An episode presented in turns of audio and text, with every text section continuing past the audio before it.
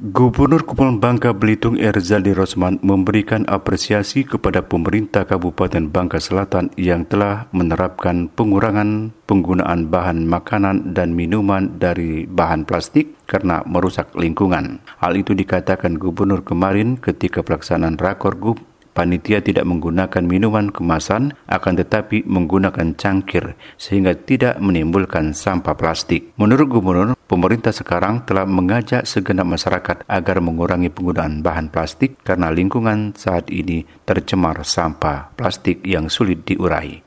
Saya memberikan apresiasi kepada penyelenggara dan Kabupaten Bangka Selatan ini sudah melakukan program pengurangan sampah plastik.